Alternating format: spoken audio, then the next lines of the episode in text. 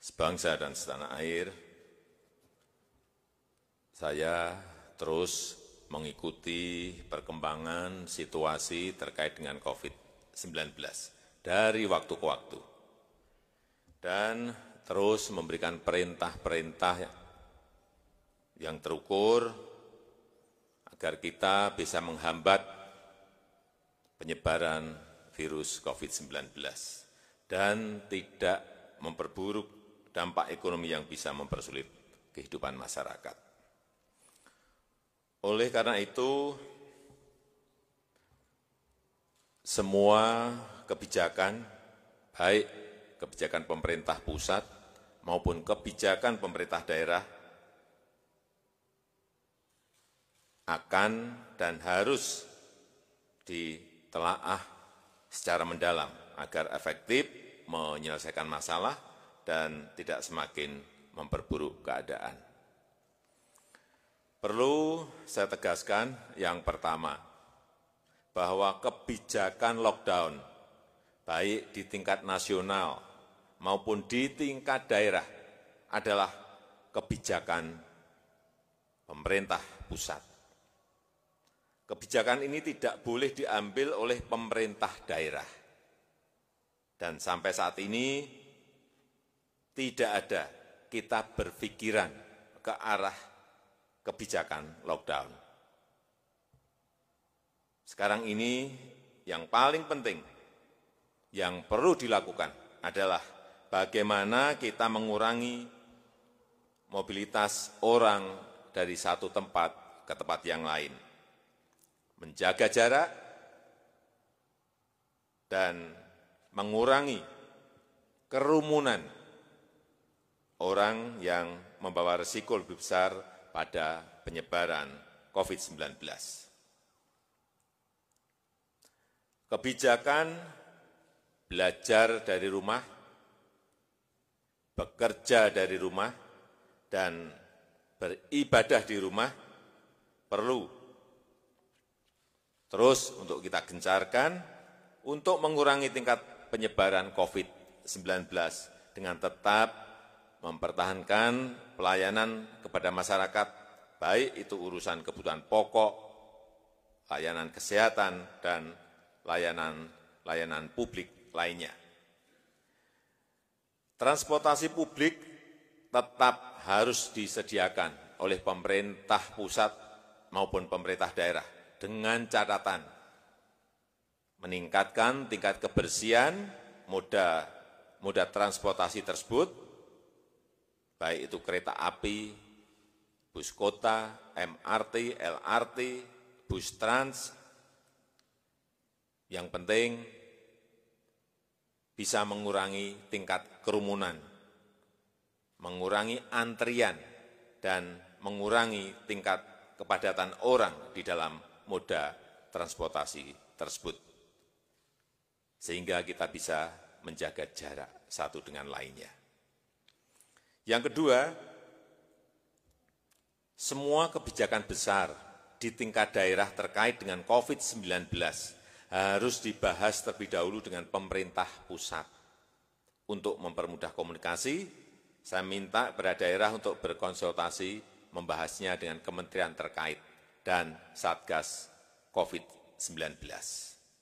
Yang ketiga, untuk menghindari kesimpang siuran informasi yang disampaikan kepada publik, saya juga minta agar Satgas COVID-19 menjadi satu-satunya rujukan informasi kepada masyarakat. Terakhir, saya mengajak untuk cuci tangan yang bersih, tetap belajar, tetap bekerja, dan tetap beribadah. Solidaritas masyarakat adalah modal sosial kita yang penting untuk menggerakkan kita bersama-sama melawan COVID-19 ini. Saya rasa itu yang bisa saya sampaikan pada kesempatan yang baik ini. Terima kasih. Wassalamualaikum warahmatullahi wabarakatuh.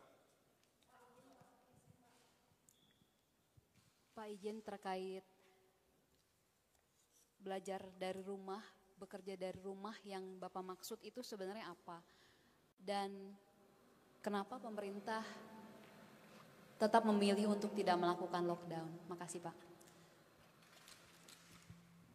Ya, ini sudah dimulai pada hari ini. Mendikbud telah memanajemen ini, mengkoordinasi ini, sehingga hari ini kita mendapatkan bantuan gratis untuk belajar lewat online dari ruang guru, dari Zenius, dari Google, dari Microsoft, dari Quiver, dari sekolahmu, dan dari kelas pintar. Artinya ini sudah berjalan pada hari ini. Kita ingin mengajak agar guru juga mengarahkan ke sana dalam dua minggu ke depan. Sehingga betul-betul belajar dari rumah ini bisa efektif. Kalau ini bisa efektif, saya yakin akan mengurangi banyak sekali mobilitas para pelajar, mahasiswa, dan mengurangi penyebaran COVID-19. Pak, untuk daerah yang sudah menetapkan uh, belajar di rumah, bekerja dari rumah, itu nanti evaluasinya seperti apa Pak? Apakah akan nanti dievaluasi langsung oleh Bapak atau dengan melalui menteri-menteri terkait Pak? Terima kasih. Ya tentu saja menteri yang terkait, tetapi evaluasi itu juga akan terus saya ikuti. Ada yang sudah mampu dengan online, ada yang belum. Sehingga di sini keaktifan setiap sekolah, keaktifan dari guru adalah menjadi hal yang penting kalau itu tidak bisa online. Tetapi jangan sampai kita harapkan pelajar diliburkan, tetapi justru malah bermain ke warnet, bermain ke tempat-tempat yang banyak kerumunan orang. Saya rasa uh, penjelasan seperti ini harus terus dilakukan.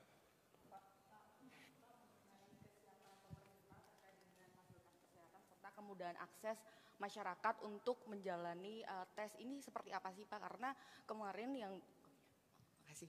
Kemarin begitu uh, kan hari Minggu ada uh, rumah sakit rujukan yang sudah ditunjuk secara resmi juga tidak memberikan pelayanan begitu. Padahal uh, sekarang pemerintah sedang fokus untuk melakukan tracing. Lalu terkait dengan mekanisme tracing seperti apa Pak? Karena apakah mekanismenya apakah hanya orang yang kontak dekat atau seperti apa? Karena misalnya saja teman-teman wartawan yang sebelumnya meliput di istana begitu kan bagaimana ini mekanismenya Pak? Itu ada Pak Menhub lalu kemudian proses ini akan menjadi gambaran begitu Pak uh, keseriusan pemerintah untuk melakukan tracing begitu. Dan Indonesia menjadi salah satu negara dengan tingkat kematian yang cukup tinggi terkait dengan uh, virus corona begitu Pak. Nah, bagaimana Bapak melihat hal ini karena di negara tetangga kita misalnya Malaysia dan uh, Singapura memang angkanya tinggi Pak yang positif Covid tapi uh, tidak ada yang meninggal sedangkan di Indonesia ada yang meninggal. Uh, mohon uh, tanggapannya Pak terkait dengan hal tersebut. Terima kasih.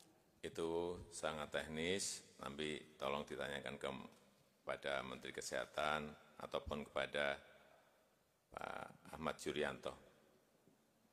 Ya. Pak, mengenai dari ini kan artinya bahwasannya tadi Bapak menyebutkan bahwa Satgas adalah satu-satunya pusat informasi. Apakah artinya nanti pemerintah daerah juga boleh memberikan informasi atau hanya melalui Satgas. Itu, eh, lalu kemudian apakah dengan ini kan kemarin Bapak keputusannya adalah menyerahkan daerah untuk menentukan boleh, statusnya masing-masing. Boleh, boleh ya Pak ya? Tetapi ya. sekali lagi untuk hal-hal yang berkaitan dengan kebijakan yang besar agar berkomunikasi dengan Satgas COVID-19 ataupun menteri terkait.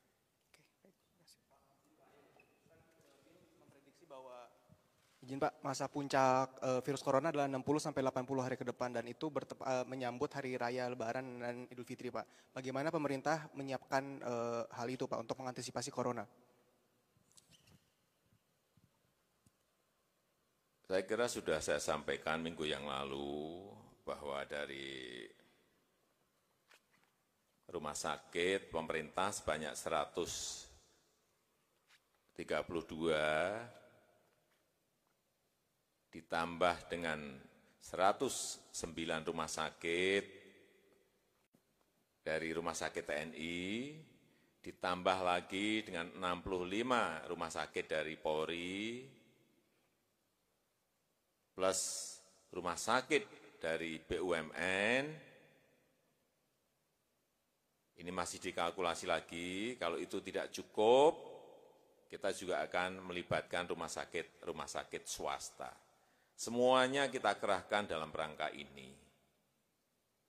Dan kita memang sudah berhitung mengenai puncak itu, sehingga sekali lagi saya sudah memerintahkan kepada Menko Ekonomi, Menteri Perdagangan, kepada Bulog, untuk menjaga agar stok barang, terutama sembako, bahan-bahan pokok itu betul-betul tersedia dan siap melalui, terutama melalui Bulog. Baik itu berupa beras, bawang putih, gula, semuanya sudah disiapkan dan sudah saya perintah dua minggu yang lalu.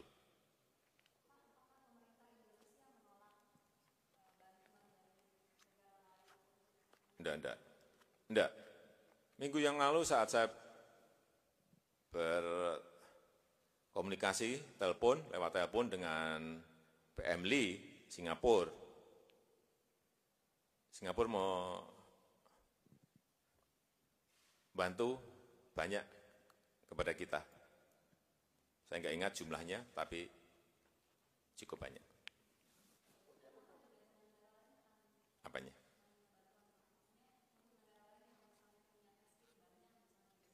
Ya, kalau ingin membantu ya kita terima.